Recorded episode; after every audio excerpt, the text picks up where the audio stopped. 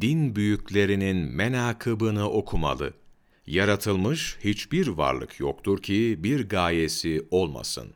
Kainattaki bütün varlıklar insan için, insan da alemlerin Rabbi olan Allahu Teala'yı tanımak ve ona ibadet etmek için yaratılmıştır.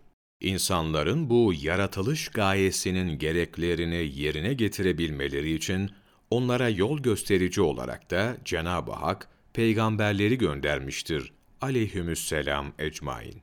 Alemlere rahmet olarak gönderilen Peygamber Efendimiz de sallallahu aleyhi ve sellem Allah Celle Celaluhu'nu tanıyıp ona ibadetin en mükemmel şekliyle nasıl olabileceğini bizzat tatbiki olarak bizlere talim buyurmuşlardır. Allahu Teala'ya ittibanın tek yolunun ancak Cenab-ı Hakk'ın kendiliğinden hiçbir şey yapmadığı, her söz ve fiilinin vahye muntazır olduğunu beyan ettiği, Hazreti Peygamber sallallahu aleyhi ve sellem Efendimiz'e uymak olduğu aşikardır. Bunu bilen ve günümüzde de hayli çoğalan sapık itikat sahiplerinin gayesi, Resulullah'ı haşa aradan çıkarıp, Allahu Teala'ya giden yolu böylece kesmektir.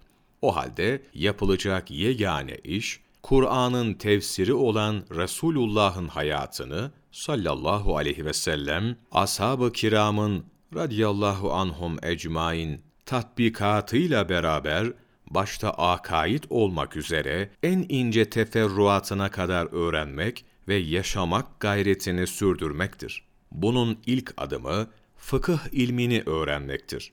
Çünkü Kur'an ve sünnetin manalarını derinlemesine ve bütüncül olarak bize aktaran ilim fıkıhtır. Fıkıh ilminin kurucusu İmam-ı Azam Ebu Hanife'yi tanımak, rahmetullahi aleyh, fıkha daha iyi sarılmamıza neden olacaktır. Din büyüklerinin, özellikle İmam-ı Azam Hazretlerinin hayatını okumakla, kişinin öncelikle İslam'a karşı duyduğu muhabbet ve ihlası artar. Dindar akıllı kişilerin Allahu Teala'nın velilerine sevgi ve saygı göstermeleri boyunlarının borcudur. Din alimlerinin menakıbıyla meşgul olanlar dünyada güzel ahlak ve adabın neden ibaret olduğunu, dünyaya gelmekten esas amacın ne olduğunu anlar. Buna vakıf olanların ne yolda bulunduğunu gereği gibi idrak ederek onlara güzelce uyup dini hayatını ikmal eder.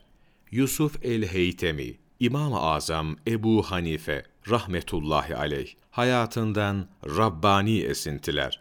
Sayfa 10 11 9 Ekim Mevlana takvimi